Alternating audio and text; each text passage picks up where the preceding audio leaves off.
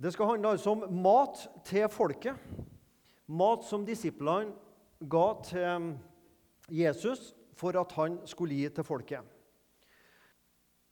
Denne lignelsen, som er dagens prekentekst fra Markus 6, som vi snart skal lese, der Jesus metter 5000 foruten kvinner og barn, som Matteus tar med Så hvor mange som egentlig var der, det vet ikke vi, men det var nok mye mer enn 5000. Den er en av få undre som alle fire evangelistene har med i sitt evangelium. Jesu oppstandelse har alle med. Men jeg er litt usikker på om det er så mange flere enn nesten Jesu oppstandelse og dette har kanskje en og to til, som alle fire evangelistene har. Og Det sier noe om at det som Jesus her gjorde da 5000 pluss ble metta av to fisker og fem brød, det må ha skapt et sånt inntrykk i folk i generasjoner at alle tok det med. Det er et litt lengre stykke å lese, men vi skal lese det sammen, hele søndagens tekst. og Det er fra Markus kapittel 6, vers 30-44. Apostlene samlet seg igjen hos Jesus og fortalte ham alt det de hadde gjort, og hva de hadde lært folket. Han sier da til dem, 'Kom med til et øde sted, hvor vi kan være for oss selv, og hvile dere litt.' For det var mange som kom og gikk, så de ikke engang fikk tid til å spise. Så dro de bort med båten til et øde sted for å være for seg selv. Men folket så dem dra bort, og mange kjente dem. Fra alle byene kom de nå løpende til fots, og de nådde fram før dem. Da han steg i land, fikk han se mye folk. Han hadde inderlig medynk med dem, for de var som får uten hyrde. Og han begynte å lære dem meget. Da det allerede var blitt sent på dagen, kom disiplene hans til ham og sa:" Stedet er øde, og det er langt på dag. Send folket fra deg, så de kan dra bort i bygdene og landsbyene her omkring og kjøpe seg noe å spise. Men han svarte og sa til dem, 'Dere skal gi dem mat.' De sier til ham, 'Skal vi gå av sted og kjøpe brød for 200 denarer og gi dem å spise?' Han sier til dem, 'Hvor mange brød har dere? Gå og se etter.' Da de hadde fått vite det, sa de, 'Fem brød og to fisker.' Han bød dem da la alle sette seg ned i grupper i det grønne gresset. De satte seg ned, flokk ved flokk, noen på 100, andre på 50.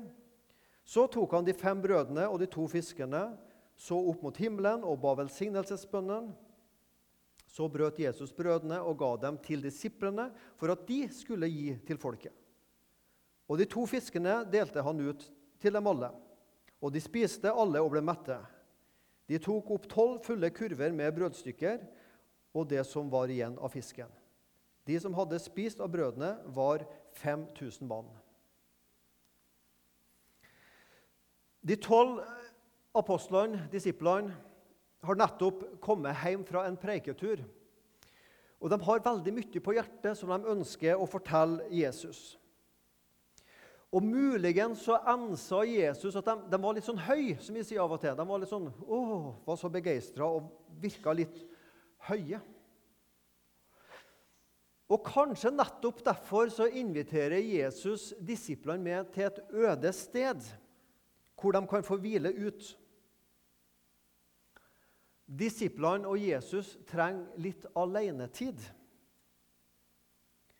Disiplene hadde behov for å være og ikke bare gjøre. De hadde blitt veldig opptatt av alt de skulle gjøre for Jesus. Og De lyktes og var begeistra. Og så sier Jesus nå skal vi bare ha litt tid sammen og være sammen. Markus skriver at da dette skjedde, så var det så mye folk at de ikke engang fikk tid til å spise. Det øde stedet som de, de satte seg i en båt og dro over til et øde sted. Og Lukas skriver at det er, heter Betzaida. Så til og med Jesus hadde behov for hvile.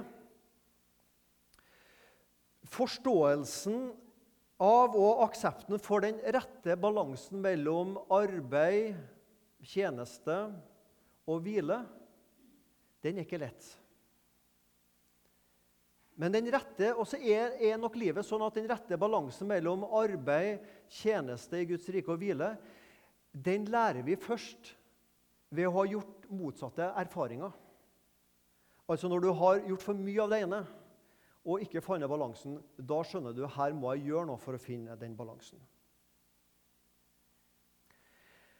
En av farene ved alltid å være pålogga Nå tenker ikke jeg Internett her primært, men pålogga tjeneste, arbeid, hva det nå er, er at du etter hvert vil slite med å koble over til, fra arbeid til hvile. En dag kan du i overført betydning oppleve at når du skal skru av strømbryteren, så vil ikke den gå av. Og du er på hele tida. Og da sliter vi oss ut. Vi trenger å lære noe om en sunn balanse mellom arbeid, tjeneste og hvile. Og Gud har gitt oss en egen dag. Vi kristne valgte søndagen. Det var jo sabbaten lørdagen i utgangspunktet. En dag som ekstra vi skal hvile. Ja, Jeg skal ikke si noe mye mer om det, men jeg tror mange av oss kjenner oss igjen i opplevelsen av å ikke ha funnet balansen mellom arbeid, tjeneste og hvile på en, på en god måte. Dessverre så ble denne hvilen kortvarig for Jesus og disiplene. For um, da de kommer over med båten til den andre sida, så står det at det er en stor folkemengde der når de stiger i land. For de har kommet i forveien. Men Jesus har ikke noe anstrengt forhold til folkemengden. Markus skriver at han hadde inderlig medynk, medfølelse med dem. Jesu hjertelag overfor folket beskrives som han ser dem som får uten hyrde. Jesus underviser folket, folkemengden, og han helbreder de syke, som Matteus og Lukas skriver. Jesus er sikkert også sliten, og iallfall er tydeligvis disiplene det. Hadde blitt litt for høye. Og, og, og, Når man er i en sånn situasjon, så kan andre mennesker nesten oppleves litt som et forstyrrende element. Vær så snill, ikke forstyrr meg, jeg er så opptatt med papir og andre ting. Og så blir mennesker et forstyrrende element. Noe vi prøver å unngå. Men Jesus tar seg altså god tid til mennesker, uansett hvor travelt det var. Sjøl om det forstyrrer hans og disiplene sin hvile. Jesus hadde en egen evne å sette andres behov foran sine. Både som et evangelium for oss og som en inspirasjon. Timene går, og det lir mot kveld. og Disiplene får også dem såpass omsorg for um, folkemengden at de ber Jesus ta en pause fra undervisninga. Folket må jo få tid til å gå og kjøpe seg mat og spise. Nå står det ingenting om sult og hungersnød i denne fortellinga. Det var ikke sånn at hvis ikke dette har skjedd, så hadde det ligget 5000 døde mennesker der. Det var ikke sånn. Vi skal ikke overdrive det sånn. Det, det, så dette er ikke et under som skal avhjelpe sultkatastrofe. Men det er et hverdagsunder. Jesus er opptatt av å gi folk mat i hverdagen, rett og slett. Disiplene ser et praktisk problem midt i det åndelige. Det er godt til noen som også har syn for det praktiske. Tusenvis av sultne mennesker som får litt for lang vei hjem etter en hel dag med Jesus. Og Så tar denne fortellinga en overraskende vending når Jesus sier dere skal gi dem mat. Vi? Vi tolv? 5000 pluss mennesker, skal vi gi dem mat? Ja, dere skal gi dem mat, sier Jesus. Så tar de sikkert en titt i pengeboka. Hvor mye penger er det i pengeboka? Det var ingen bank å gå til, det var ingen Vipps-overføringer, så her var det det cashet du hadde med deg. Hvor mye penger har vi? Jo, vi har 200 denarer, som egentlig er mye penger. Så enten så tenkte de vi har, vil 200 denarer holde til så mye mennesker. Det er mye penger, 200 denarer. 200 dagslønner. Så tenkte de nei, eller så tenkte de jeg nå, Det står jo ikke hva de tenkte, men jeg tenker også denne muligheten. Kanskje tenkte de Så mye penger, 200 denarer, skal vi gidde å bruke det på fremmede mennesker som vi ikke kjenner? Jeg mener, Det er jo andre ting vi kan bruke det på i misjonen enn akkurat de fremmede folket her. Litt sånn gjerrighet, kanskje? Jeg vet ikke. Det blir bare spekulasjoner. To fisker og fem brød er hele beholdninga de har.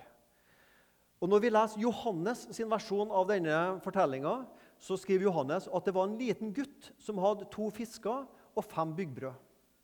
Det var sikkert nistepakker som mora hadde smurt med og, og sendt med han, ikke sant? Det var det de hadde. En liten gutt sin nistepakke til 5000 pluss mennesker. Hva er det for noe? Det er jo som å strø mjøl på havet, for å bruke et uttrykk. Det er jo ingenting, egentlig. Det hjelper ikke noe. Men så vet vi at denne lille nistepakka blir nok. Og det blir sånn at folk blir mett, og det er overflod, sånn at de får tolv fulle kurver igjen. Altså Tankemessig så er det jo ikke mulig. For to fisker og fem brød trenger ikke tolv kurver til. Og når 5000 mennesker har spist av det, så Ja. Snedige ting. Men det sier meg også noe av dette om Jesus og disiplene sine ulike innfallsvinkler til dette problemet. 5000 mennesker uten mat. Disiplene de er litt sånn som meg, sånn som jeg er anlagt. Jeg ser problemer. Det er altfor langt til nærmeste butikk. Nå skal jeg ikke nevne navn, men En annen person i familien har den evnen å se heller mulighetene. Disiplene ser problemer. Jesus han ser utfordringer. Dere skal gi dem mat. Disiplene ser begrensningene. Igjen, jeg kjenner meg igjen. Vi har altfor lite mat, Jesus. Jesus ser mulighetene. At et Guds under kan skje, kan gjøre maksimalt antall sultne mager metta på et minimum av mat. Nei, dette er ingenting annet enn et under. Jeg mener, ja, dette er ingenting annet enn et under, og det er et hverdagsunder. Selve matunderet det, det skjer etter at Jesus først hadde bedt velsignelsesbønner over maten. Når jødene samla seg, så var det en tradisjon for at far i huset ba en takkebønn for de velsignelsene Gud hadde gitt i maten. Og For å knytte kontakten enda mer konkret til Gud og mat, så står det at Jesus så mot himmelen mens han ba for brødet. Og jeg tror Denne settingen her, den har jo vært med og inspirert oss til å synge bordbønn og be for maten. Fordi vi så at Jesus ba for maten.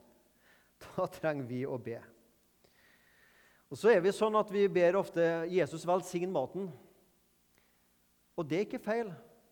Men faktisk så er det enda mer bibelsk å takke Gud for den velsignelsen maten er.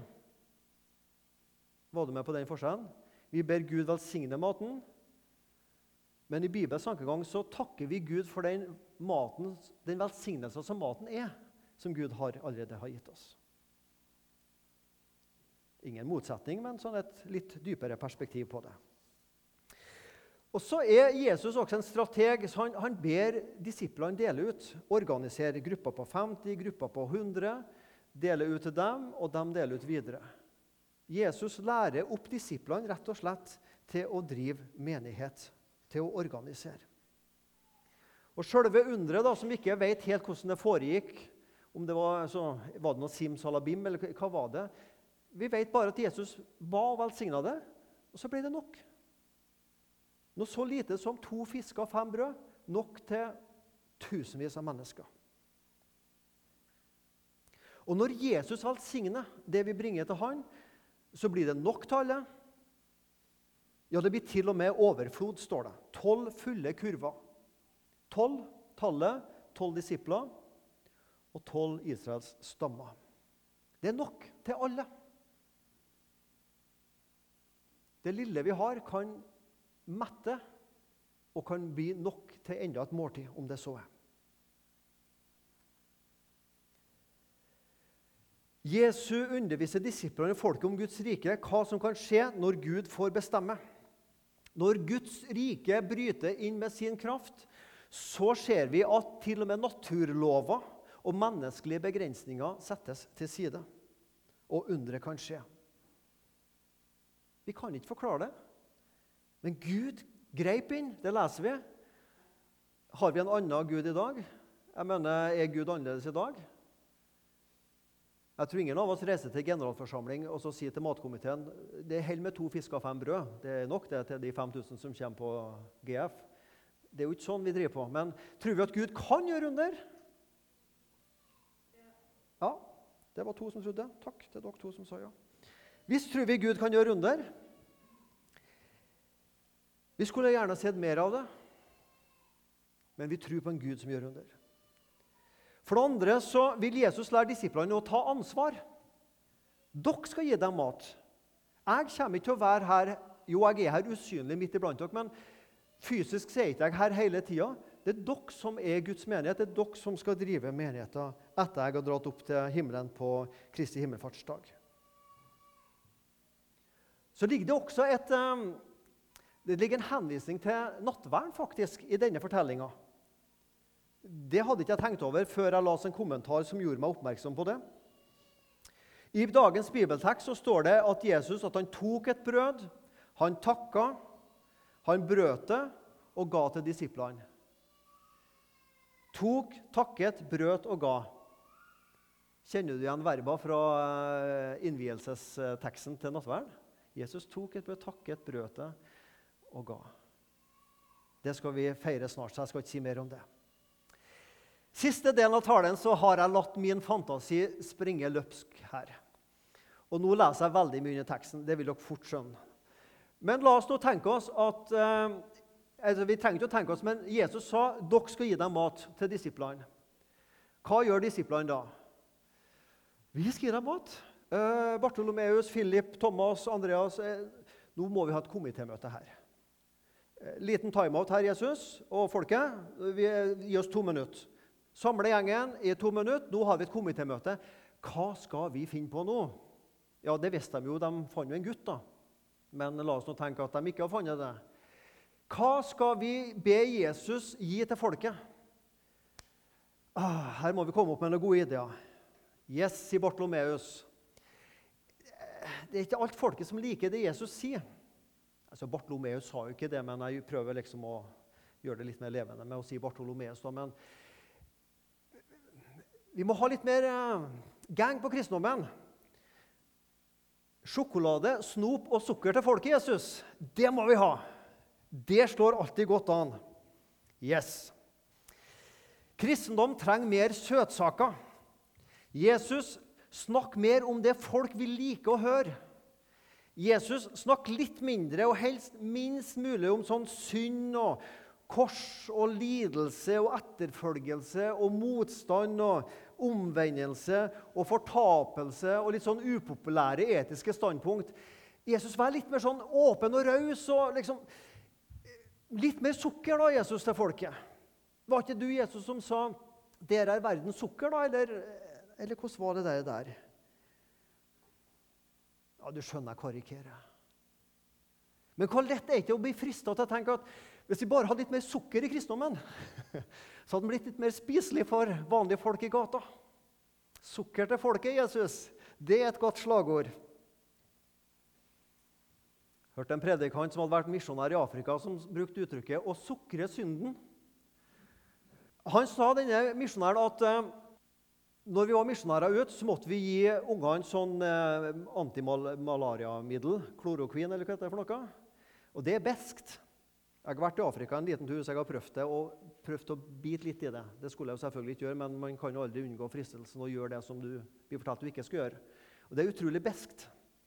Så hvordan skulle man få disse antimalariamidlene inn i ungene? Jo, du sukrer det. Du legger sånn sukkerglasur utpå. Da glir det ned. vet du. Og De skulle ha dobbel dose vet du, med sånn antimalariamiddel, for det var jo så godt. Smakte så godt. Og Så sier denne misjonæren hvor lett vi kan begynne å sukre synda. Gjør den spiselig. For synda den, den, smaker jo så godt og dufter så deilig fram til vi har gjort den. Og så får den en utrolig besk ettersmak. Jesus, sjokolade, snop og sukker til folket. Det andre vi kunne ha gjort Jesus Nå hadde de tilbake til dette komitémøtet. Ja, vi har to fisker og fem brød, men hva er det? Jesus vi, eh, Smørbrød. Høye smørbrød og marsipankake til folket. Det blir tingen, altså. Yes. Marsipan og smørbrød. Tenk det! til 5000 mennesker. Ja, kun det beste er godt nok for Jesus. Og nå, nå, er jeg seriøs. Det mener jeg. Det beste for Jesus er jo et flott slagord. Gud fortjener det beste vi har å gi han. Hvorfor skal vi la Jesus nøye seg med smulene fra bordet til de rike kristne i Vesten? Og prøv å tenke når det gjelder barn, når det gjelder bilen og huset og hytta og hva det nå er. Vi prøver jo å gjøre det beste. Naturlig nok. Hvorfor skal ikke vi gi det beste til Guds rike og Jesus? Ja, marsipan og høye smørbrød for Jesus. Lag en fest for Jesus. Det fortjener han. Maria, Martha og Lasarus, Maria, nardussalve for 300 denarer. 300 dagslønner brukte opp på Jesus. En fest for Jesus. Han fortjener det. En fest for Jesus, marsipankake og høye smørbrød. Jesus fortjener det beste. Men nå kommer et lite men, og det er ikke så veldig lite heller. Fordi nå snur vi på flisa. Vi kan prøve å imponere Gud med høye smørbrød og marsipankake. I overført betydning. Det skjønner vi. Du har hørt dette begrepet 'fake news', falske nyheter. Og Jeg har hørt et nytt begrep som er brukt om fake. Det er å fake livet. Kanskje det er et litt nytt begrep? Jeg tror det. da. Det er å prøve å late som om livet er bedre enn det det er. Prøve å innbille andre mennesker at jeg har et bedre liv enn jeg egentlig har. Jeg har sett noen programmer med Luksusfellen der folk sitter i stor gjeld det har vært fine ferieturer, pyntegjenstander, biler, siste skrik av babyutstyr og merkeklær kjøpt med forbrukslån. Og så sitter de ganske fort i luksusfellen. Vi kjøper ting vi ikke trenger, med penger vi ikke har, for å prøve å imponere folk vi tror ikke liker oss. Eller bilder på sosiale medier det fins filtre som jeg kan få pynta på meg sjøl. Gjør keikene litt smalere og kinnbeina litt høyere og øynene litt større og øyenvippene litt større. du kan legge på filter på deg sjøl.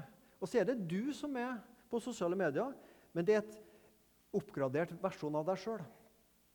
For noen tør faktisk ikke legge ut bilde av seg sjøl som man er. Man må pynte på seg sjøl for å vise seg fram. Det blir som å gi Jesus høye smørbrød og marsipankake når jeg egentlig bare har to små når jeg har noen brødskiver og makrell i tomatsaus. Og det siste er jo mye mer sunt da, enn det første. Thomas tvileren han innrømte derfor at han tvilte. Han feika ikke at han trodde. Det er bedre med en levende tvil enn en liksomtro. Vi må ikke bli et glansbilde og prøve å framstille et glansbilde av oss sjøl og vår egen tro overfor Gud eller forsamlinga. Gud ønsker, og jeg tror vi alle ønsker, at Misjonssalen skal være de ærliges forsamling. Er, sånn er livet mitt, med mine feil og mangler. Men det er nettopp sånne som deg og meg, som er feilende mennesker, det er plass for i Misjonssalen. Det er ikke høye smørbrød og marsipankaker vi trenger å komme med. Kom med det du har, den du er. Det er evangeliet. Ikke at vi må fikse livet før vi kommer til Jesus, men kom til Jesus med ditt feilende liv. Og han tilgir. Det er evangeliet. Tilbake til dette komitémøtet disiplene hadde. Sjokolade, snop og sukker til folket. Nei, dårlig idé. Marsipankake og smørbrød. Ja, det beste for Jesus. Men vi skal ikke prøve å innbille oss noe vi ikke er. Så kommer en annen disippel opp. 'Jeg har en kjempeidé så hva vi kan gjøre nå for å løse dette matproblemet.' Catering. Vi får inn eh, Kapernaum cateringfirma. Og vi har jo så mye penger, så kjøper vi oss fri fra alle oppgavene. Det gjør vi. Den er enkel. vet du. Vi får andre til å gjøre jobben for oss. Kollekt, te og bønn for misjonærer. Ja, da har jeg kanskje litt mindre ansvar for å vitne for dem som jeg kjenner som ikke er kristne. Dugnad i Guds rike. og Når jeg nå sier dugnad, så tenker jeg ikke bare vaskedugnad, ikke sant? men generelt dugnad i Guds rike. Nei, det er alltid bedre å leie inn et firma som er dyktigere enn meg og oss til å gjøre ting. Det er fint med ansatte. Jeg håper iallfall dere syns det er fint med ansatte i Guds rike. Men, men, men eh, vi kan ikke kjøpe oss unna ansvaret og være med å delta. Gå ikke glipp av den velsignelsen det er å engasjere deg i Guds rike. Kanskje noen kan tenke at det jeg kan bidra med, det er ikke godt nok. Det smaker ikke bra nok for folket eller for Jesus. Det, det, det er liksom ikke godt nok. Nei, jeg må få inn noen cateringfirma som kan hjelpe meg.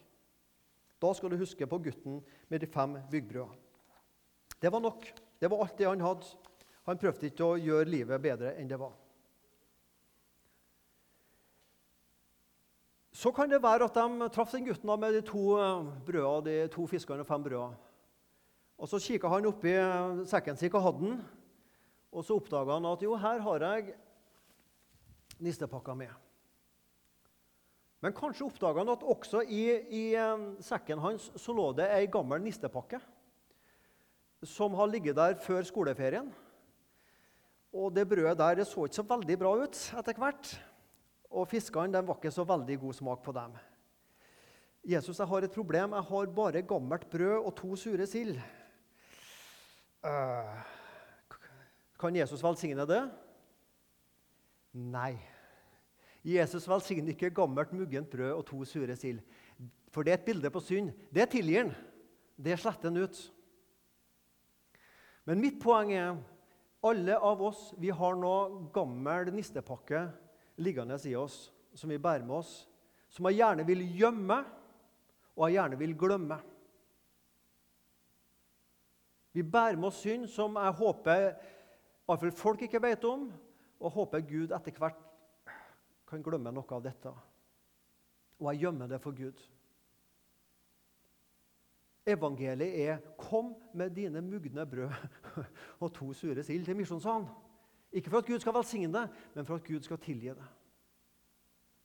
Og i dag Ja, det kan skje hver dag, men i dag, når du hører forkynnelser, når du tar imot nattverden, eller du er velkommen til forbønn og samtale etterpå, så kan vi få løfte opp noe gammelt, muggent brød og noe luktende gammel fisk som du har å bære på. Så kan vi bli kvitt det. Så kan du gå ut herifra uten å bære med deg det i din bagasje. Hvis du har fulgt med i media de siste dagene, så vet du hva jeg skal snakke om nå. Jesus, vi har nå velduftende bakevarer som vi har laga til, til møte i skolelaget Jesus, der du er sjefen. Men det er en rektor her som ikke vil at vi skal bære det gjennom kantina, for det kan jo være noen som lukter at dette lukter litt godt, og så blir litt betenkt. Hvis du ikke har fått med denne historien, så er det altså eh, skolelaget ved Tonstad ungdomsskole som ikke fikk lov av skoleledelsen og kommuneledelsen å ta med bakevarer til skolelagsmøtene sine. I alle fall ikke hvis det lukta av dem. I alle fall hvis det lukta godt av dem. Jeg vet, De sa ingenting hvis det lukta vondt av dem, men i alle fall hvis det lukta godt av dem, så kunne det jo da friste noen til å komme på skolelagsmøter på feil premisser. Ja, så I brevet fra kommunen står det det bør således ikke være servering på møtene som kan oppfattes som et lokkemiddel for deltakelse. Så kom dette i media, til og med NRK og VG. ikke sant? Og så fikk de kalde føtter, bokstavelig talt, eh, ledelsen, og snudd. Så nå er det lov. For vi er Kristi vellukt for Gud, blant dem som blir frelst, og blant dem som går tapt. Vi er Kristi vellukt. Hutte meg tu, her lukter det kristenmanns blod, sier trollet i et av eventyrene. ikke sant? La det lukte fersk, nystekt gjærbakst av oss. overført betydning. Noen vil alltid være mot det som har med kristendom og Gud gjør, uansett. Men de fleste mennesker vil likevel trekkes mot det som har med Gud og Jesus å gjøre, når det lukter godhet og ærlighet av kristne mennesker.